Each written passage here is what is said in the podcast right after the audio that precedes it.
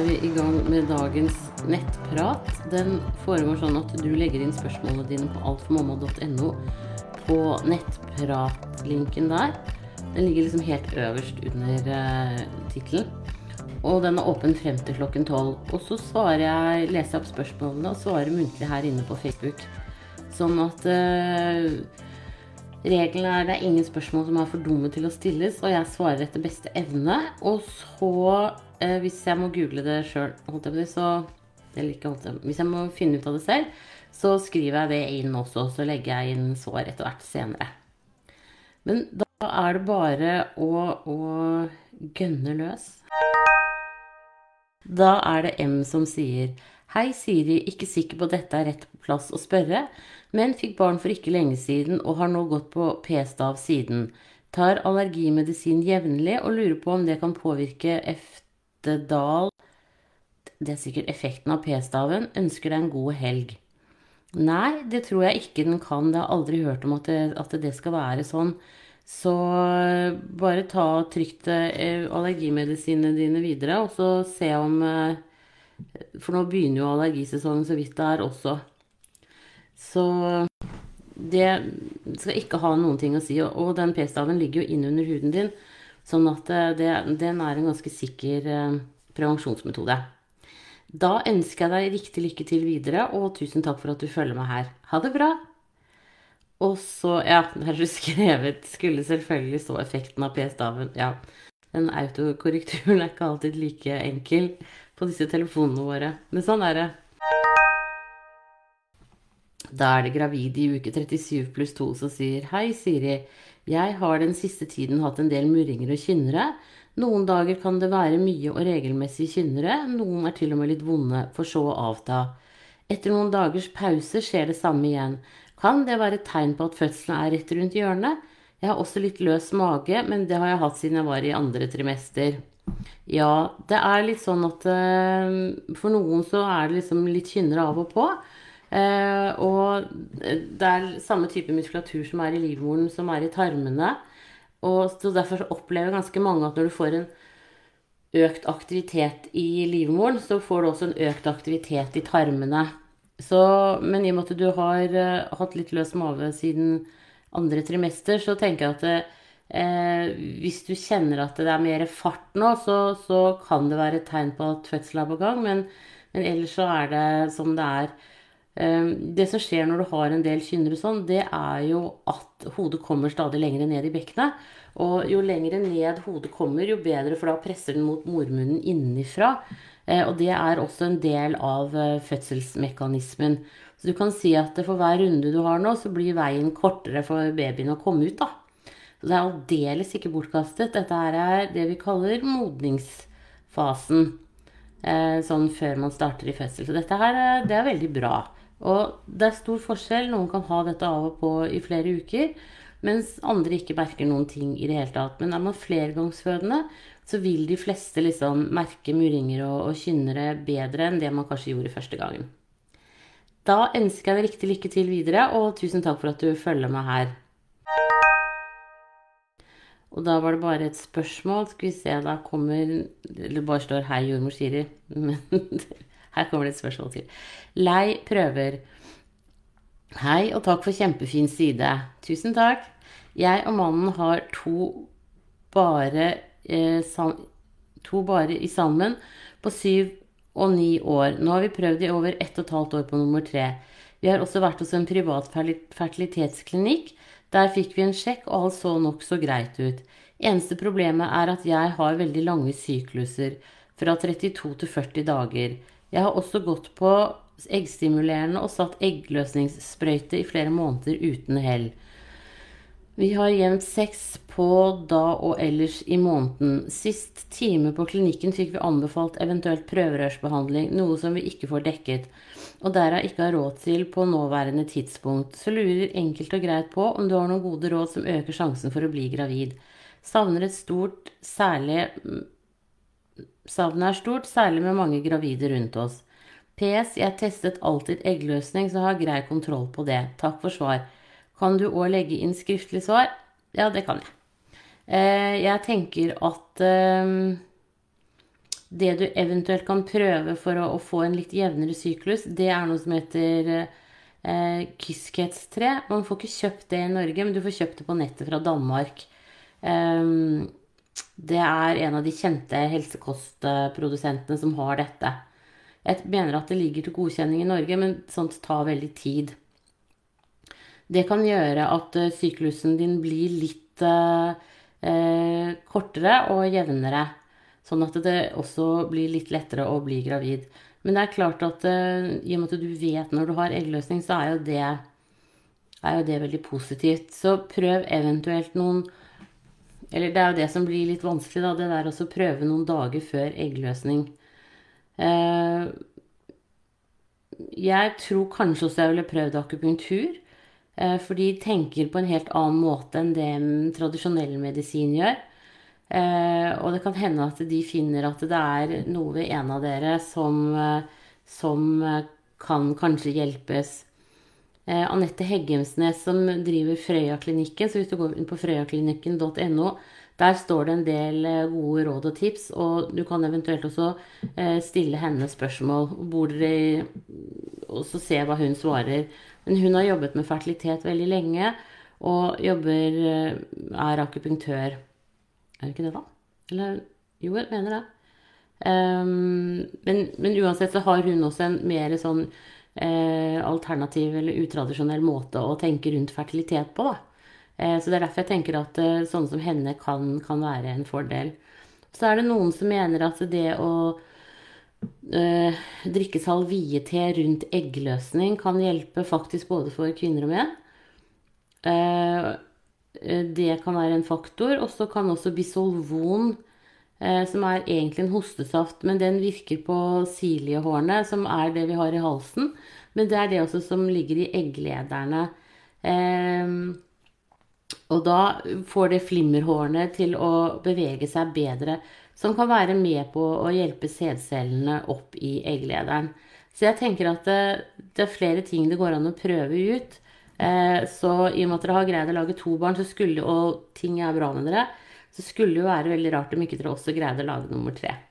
Så, eh, for jeg regner jo med at eh, han fikk testet sædcellene sine også, at han ikke har noe eh, galt der eller noen infeksjon. Da ønsker jeg dere riktig, riktig lykke til videre, og tusen takk for at du følger meg her. Ha det bra! Og så var det gravid etter SA som sa sier Hei, Siri. Jeg ble gravid, men jeg spontanaborterte dessverre ved 4 pluss 0. Jeg har blødd i syv dager nå. Hvor lenge er normalt å blø? Jeg lurer også på om jeg kan bli gravid allerede i kommende eggløsning. Er det normal syklus, syklus, eller må jeg vente til neste mensen? Nei, du kan godt bare prøve å bli gravid igjen nå. Det som er, er at du vet jo ikke helt når du har en eggløsning, kanskje. Slik at uh, at uh, da kan det jo hende at du ikke helt uh, får en helt entydig termindag, men det gjør jo ingenting.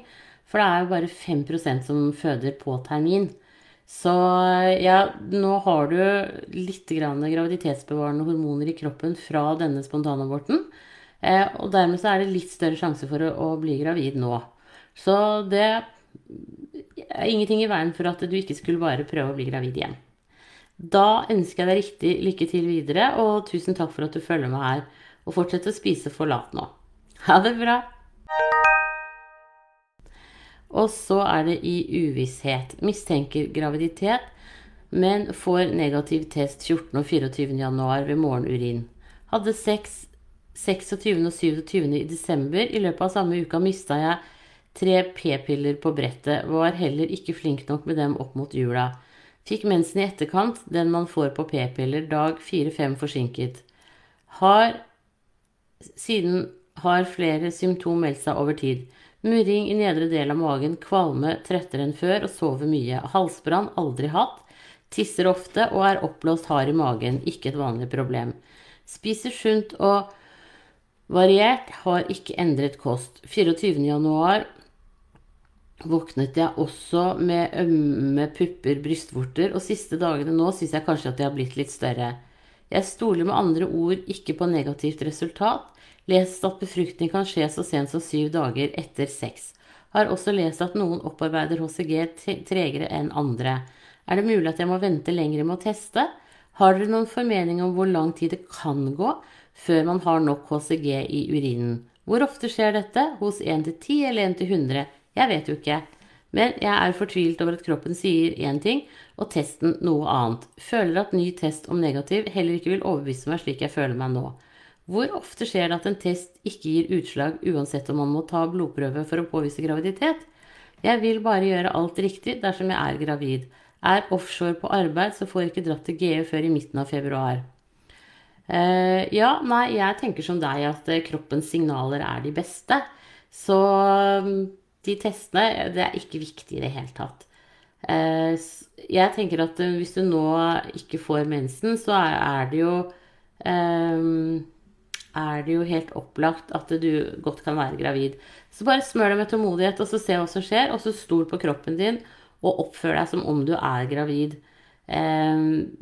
Det tenker jeg det er en ganske stor sjanse for at du er, med alle de tegnene som du beskriver her. Eh, og så får du jo ta med arbeidsgiveren din etter hvert, for jeg tror dere som jobber offshore, skal ikke være der eh, etter en ganske tidlig i graviditeten. Eh, og da har jo du krav på svangerskapspenger, som gjør at du Eller med mindre arbeidsgiver kan tilrettelegge sånn at du kan jobbe på land eh, for en periode. Eh, men eh, jeg ville definitivt stolt på kroppen din, og særlig når du har bomma litt med p-pillene, så er jo sjansen for å bli gravid relativt stor. Så her tenker jeg at det er spennende tider. Og hvis du har muligheten til å få tak i forlat, så er det en bra ting. Hvis ikke, så går det sikkert bra likevel. Da ønsker jeg deg riktig lykke til videre, og tusen takk for at du følger meg her. Ha det bra! Og så er det Lene som sier Hei, jeg er en 39 år gammel kvinne som har to barn i barnehagealder. Jeg sleit livet av meg for å klare å få disse to barna, og det var mye komplikasjoner både før, under og etter svangerskapene. Jeg ønsker meg så inderlig flere barn, men har innsett at jeg ikke kan gå gravid en gang til det er for risikabelt. Så vi skal snart kontakte et surrogatifirma og prøve å få et biologisk barn på den måten. Jeg møtte mye motstand og negativitet fra andre rundt dette, men jeg vet, også, vet at dette er noe jeg må. Jeg kjenner at jeg blir kjempemisunnelig og sjalu på som har flere barn enn meg, og det gjør vondt at jeg ikke har klart enda å skaffe barna mine flere søsken. Jeg selv mistet en bror i ung alder, og jeg vet så godt hvor sårbart livet er. Jeg kan ikke bare la barna mine ha kun hverandre gjennom livet. De har ingen fettere eller kusiner eller noen annen familie enn meg og faren og eldre besteforeldre. Hvis noe skulle skje med den ene når vi andre er gamle eller borte, så er barnet mitt helt alene i verden. Det kan jeg bare ikke tillate.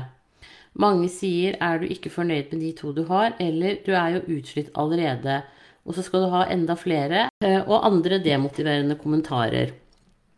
Dette er vondt og slitsomt og ensomt å møte fra andre da jeg gjør dette for barna mine selv om jeg er helt utslitt.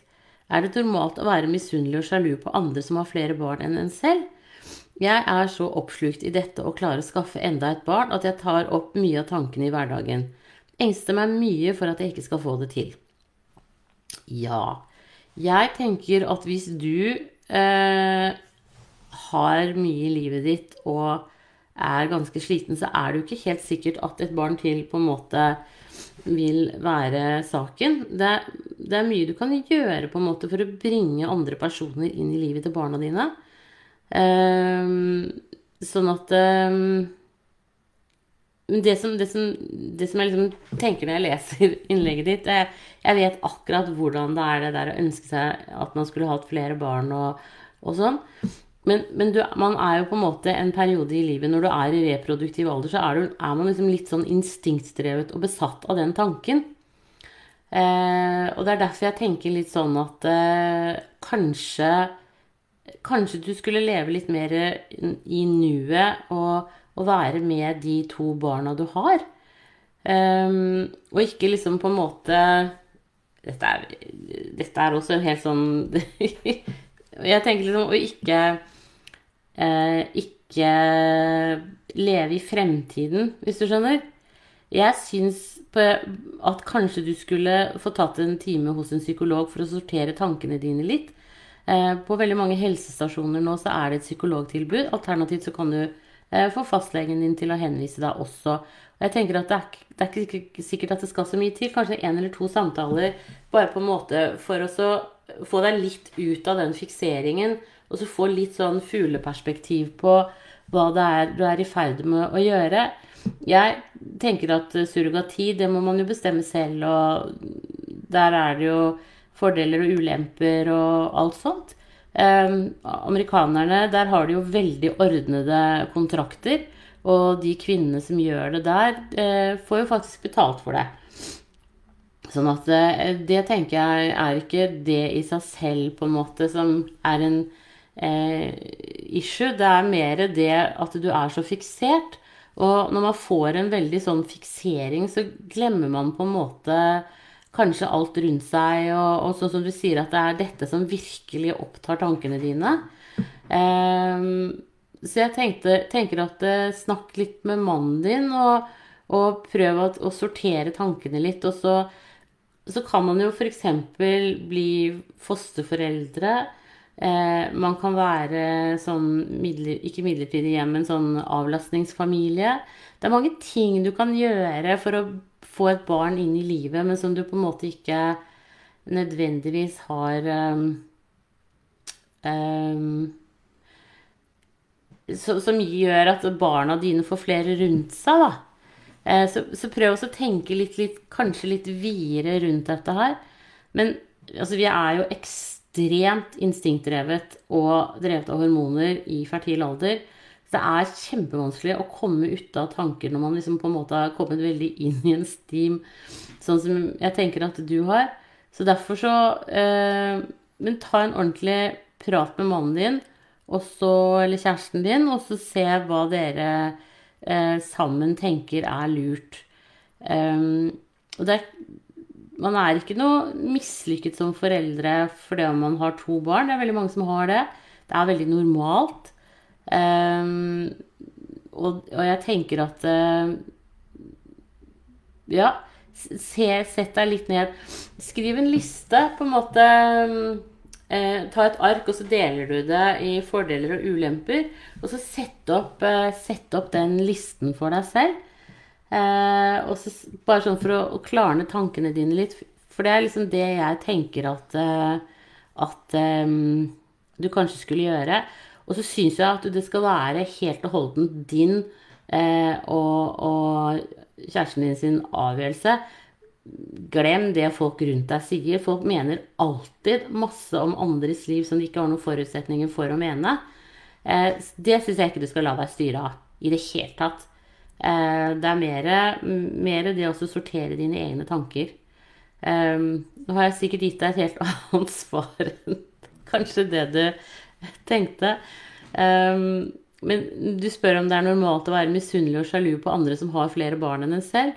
Og da tenker jeg det, er, det handler om den, den liksom driften vi har da, på å, å reprodusere oss.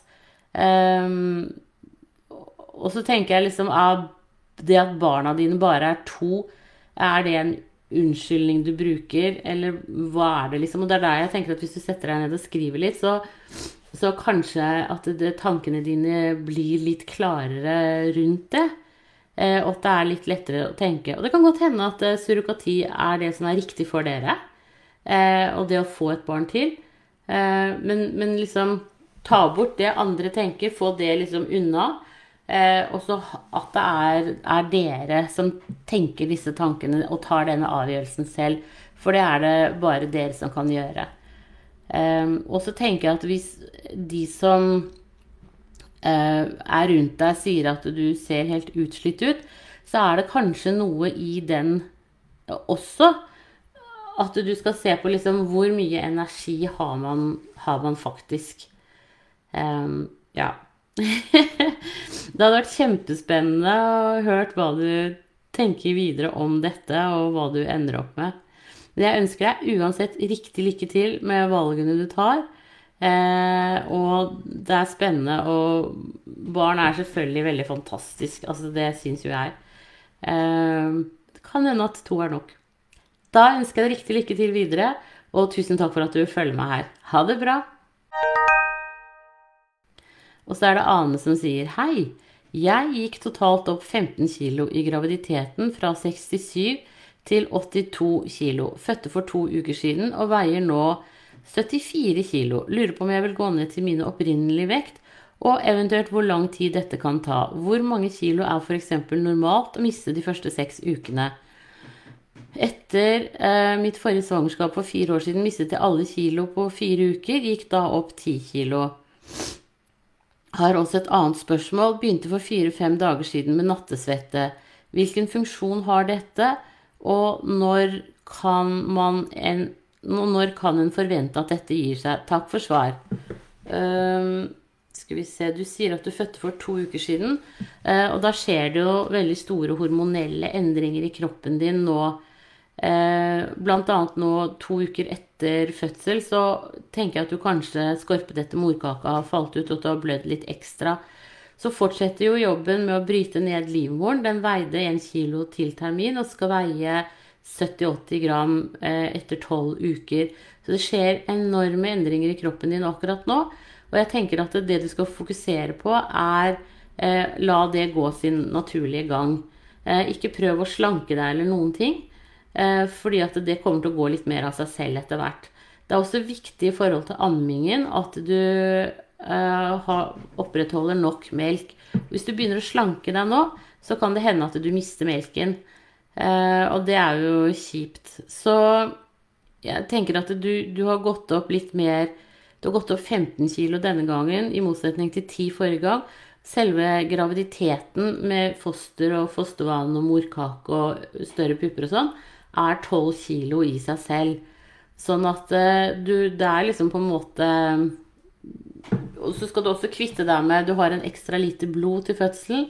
Du har en liter væske rundt omkring i, i vevet for å sikre at eh, hvis du hadde hatt en stor blødning under fødselen, så ville kroppen hatt den reserven. Så jeg tenker at det at du svetter nå og sånn, det er også en måte å få ut den ekstra væsken i vevet på. Så dette her høres veldig normalt ut. Det er ikke noe farlig, men det kan være litt plagsomt. Så øh, når det gjelder den nattesvetten, så er det bare å, å drikke nok og, og heller eventuelt skifte øh, klær i løpet av natten. Eh, du kan også ha det relativt kaldt på soverommet. Eh, det er klart at nå er det en kuldebølge over Norge akkurat nå, men hvis babyen blir kald av det, så pakk eh, på med lue og votter og, og, sånn. Men at du kan ha ned igjen 16 grader nede på, inne på soverommet uten problemer, det går helt fint. Eh, det syns jeg at jeg ser at det er ganske mange som har det veldig varmt. Eh, men det er ikke nødvendig sånn for babyens skyld. Du, er, du kan bare kle på babyen litt bedre. Eh, så jeg hadde ikke vært fiksert på disse kiloene nå i det hele tatt. Eh, bare ta det som det kommer. Og nå kommer du til å være mye mer i bevegelse, og du har to barn. Og det gjør også at du på en måte er i farta på en helt annen måte enn det du var første gangen. Så så glem kiloene akkurat nå, og eh, konsentrer deg om å nyte denne tiden. For det er en helt fantastisk tid nå etter hvert som babyen kommer mer og mer ut av skallet sitt og, følger med mer og mer, og du får kontakt og smil og etter hvert latter og sånn. Så eh, foreløpig så tenker jeg dette her er um, helt normalt. Um, ikke stress med noen ting. Nyt det. da ønsker jeg deg riktig lykke til videre, og tusen takk for at du følger meg her. Ha det bra! Og så er det tredjegangsmamma som sier hei.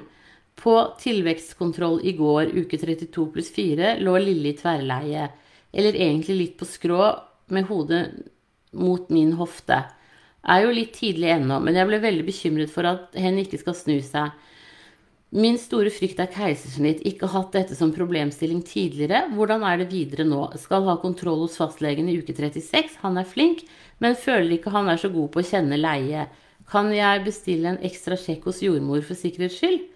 Eh, det kan du absolutt. Jeg syns du skulle gå til jordmor nå. eh, og få en sjekk. Og så er det også sånn at når du har vært gravid tidligere, så er det mye bedre plass. Altså livmoren din er litt videre, eh, og bekkenet ditt er også større. Så en, baby kan egentlig godt ligge på skrå. Altså skikkelig tverrleie, da er det vanskelig med en fødsel. Men at de kan ligge litt på skrå og sånn frem til du går i fødsel, det er ikke noe problem i det hele tatt, altså. Så, så, jeg tenker at denne her kommer til å legge seg riktig vei etter hvert.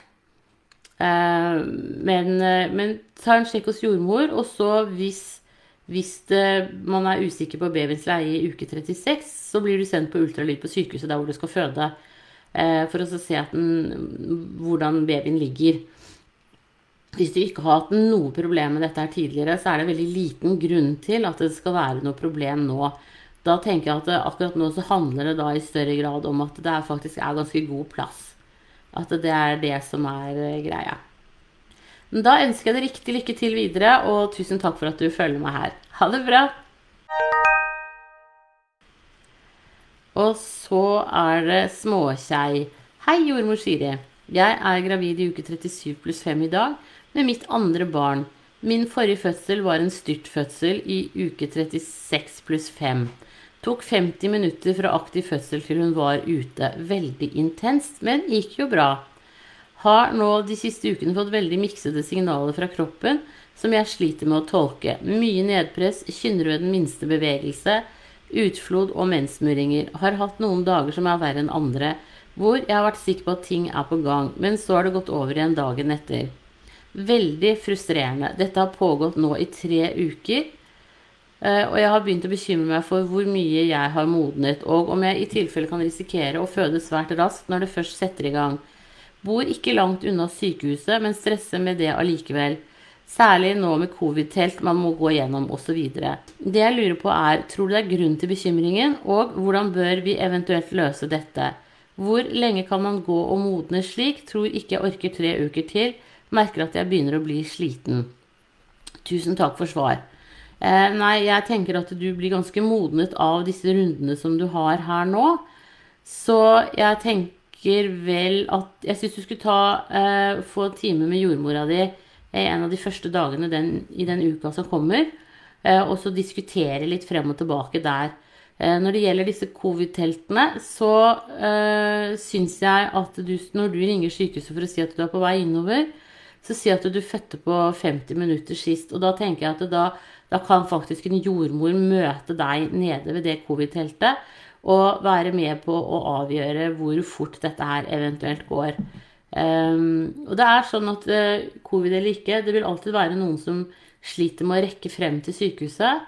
Uh, og du er nok uh, en av dem når det går så fort. Og det er høyst sannsynlig så vil det gå, med mindre du har, venter et mye større barn denne gangen, så vil det gå like fort denne gangen også.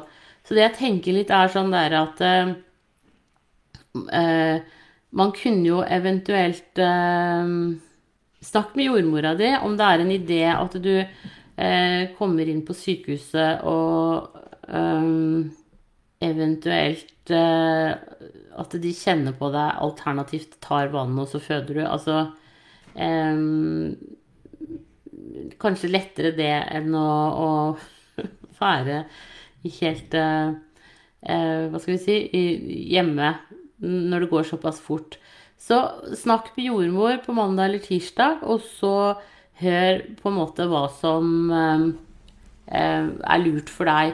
Og så tenker jeg at hvis du nå på en måte hvis det, går, hvis det går i gang nå med litt sånn heftige kynner og sånn, så syns jeg bare du skal ringe til fødende ja, og så si at du fødte på 50 minutter sist. Eh, og så tar de deg inn, og så kjenner de på deg, og så får du på en måte et bilde av hvordan det er. Eh, det tenker jeg kan være en, en, ting å gjøre nå i helga, hvis du skulle begynne på igjen. Eh, og det er klart at det er ikke, det er ikke alltid så lett å, å, tolke de signalene som man får. Um, men at, dette, at disse, den du har Du er nok i ferd med å modus ganske kraftig, det vil jeg tro. Så ikke nøl med å ringe føden hvis det begynner å skje noe igjen nå i helga. Um, og så tar du og får time hos jordmor mandag eller tirsdag og diskuterer med henne hvis ikke du føder i helgen. Men jeg tenker at det skulle være veldig rart om du går i tre uker til, altså. Det kan jeg ikke helt skjønne. Um, og særlig også fordi at du fødte litt raskt, altså litt før tiden sist. Du, kom, du rakk vel nesten så vidt å komme til termin. Men nå er du faktisk til termin. Så jeg ønsker deg riktig lykke til videre, og tusen takk for at du følger meg her. Ha det bra! Og så er det søvn. Hei, har en gutt på to og en halv uke. Sliter med å legge han ned i babynest eller vugge. Da våkner han hver gang. Har du et tips for hvordan jeg kan gjøre dette på en god måte? Ønsker allerede nå å legge til rette for gode soverutiner. Han lager også en del gryntelyder samt andre lyder.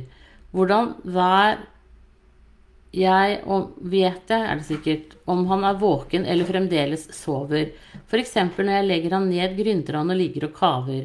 Skal jeg vente til han begynner å gråte, eller skal jeg ta han opp igjen med en gang for å så prøve igjen?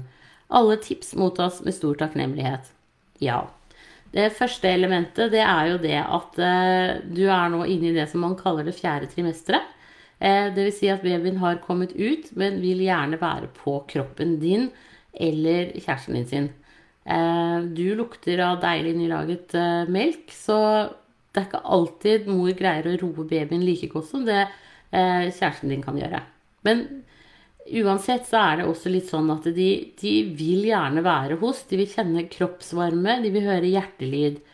Så det å greie å legge dem fra seg nå de første i hvert fall åtte ukene, vil jeg si, er ikke alltid lett. Og det er ikke det babyen ønsker seg heller. Um, man behøver ikke tenke eller være noe som helst bekymret for soverutiner de første tolv ukene. Uh, her tenker jeg nå handler det om å, å bli godt kjent, Eh, og at du lærer deg å, å lese hans eh, signaler. Og det at han lager masse gryntelyder og sånn, det er helt innafor. Du behøver nøkternt sett ikke å ta han opp før han begynner å gråte. for da, da viser han liksom Um, altså, eller noen babyer er, har mye mer lyd, da.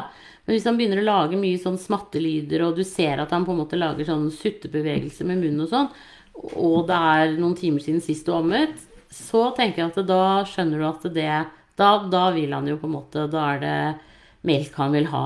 Og så har de også noen perioder kan ha på døgnet hvor de skal ha mat veldig ofte, kanskje hver halvtime. Eh, men da er det akkurat sånn Det er ofte det er om kvelden, og da bunkrer de opp for natten. Så mitt beste råd i forhold til soverutiner, det er å ikke skifte bleie med mindre de har bæsja på seg. En våt bleie kan de fint ligge med. Eh, ikke skru på lyset hvis ikke du må, eh, og ikke snakk og vær sosial. Men ellers så er det veldig vanskelig å få til rutiner. Men et et, det som skjer nå etter hvert, det var at eh, mavesekken hans var omtrent på størrelse ja, si, som en plommesten da når han ble født.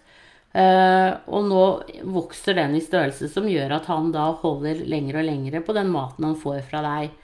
Og derfor, så når de da spiser ofte, sant, så omsetter de mye mat i, i kroppen. Og så har de da på en måte et lager. Så nå ville jeg ikke vekket han om natten. Eh, for å mate han. La han styre natten selv. Um, og så er det også sånn at så lenge du fullammer, så våkner du veldig lett av babyen. Derfor så kan du egentlig sove med han også litt inntil deg. Um, hvis det er på en måte den måten dere får sove på, begge to. Så um, hvis han er veldig, veldig sånn der kavete, sånn at du, du tenker at han noen babyer de slår veldig sånn fort ut med armene og, um, og, og. Hvis han vekker seg selv av det, så kan du ta og, og pakke han inn sånn, sånn burrito-wrap, som de kaller det. sånn at du legger hendene hans uh, sånn. Skal vi se om du ser det på meg her nå. Og så tar du et teppe som ikke er så veldig elastisk rundt han, og pakker han litt sånn trygt og godt inn. Og de er jo vant til å ligge trangt inni maven, så for han så er det en trygghet. I tillegg så får han ikke det store utslaget med armene. Da liksom, når han kvepper, så blir det bare litt, og da vekker han ikke seg selv så fort. Så, så Han også vet jo ikke helt enda om han er sulten eller trett, eller skal han prompe eller bæsje, eller hva er det egentlig som skjer. Eh, det tar også litt mer tid å, å, for han også å finne ut av tingene. Så ha tålmodighet, eh, og ikke stress noe som helst med, med søvnrutiner og eh, ammetider og sånn. La han styre det, og du kan ikke skjemme bort et så lite barn. jeg jeg, ikke, jeg, jeg, må høre med de helsesykepleierne jeg jobber sammen med, men jeg ville sagt at barn under ett år kan ikke skjemmes bort. det er nå min, min idé om det. Men da ønsker jeg deg riktig lykke til videre, og nyt den tiden som er nå. Den er helt unik, selv om den er litt slitsom. Eh, men nå blir du mer og mer kjent med han, og dere kommer til å ha mye moro sammen. Da ønsker jeg deg riktig lykke til videre, og tusen takk for at du følger meg her. Ha det Da var det dagens siste spørsmål, så nå skal jeg sette meg ned og lime inn svarene eh, inn på Alt for mamma. Så må dere ha en riktig, riktig strålende dag, og så snakkes vi igjen eh, forhåpentligvis neste lørdag. Det kan hende at jeg skal være med å vaksinere litt eh, befolkningen. Men eh, hvis ikke, så er jeg på nettplan. Eller så finner jeg en annen dag også. Tusen takk for at dere følger meg her, og ha en strålende helg. Ha det bra.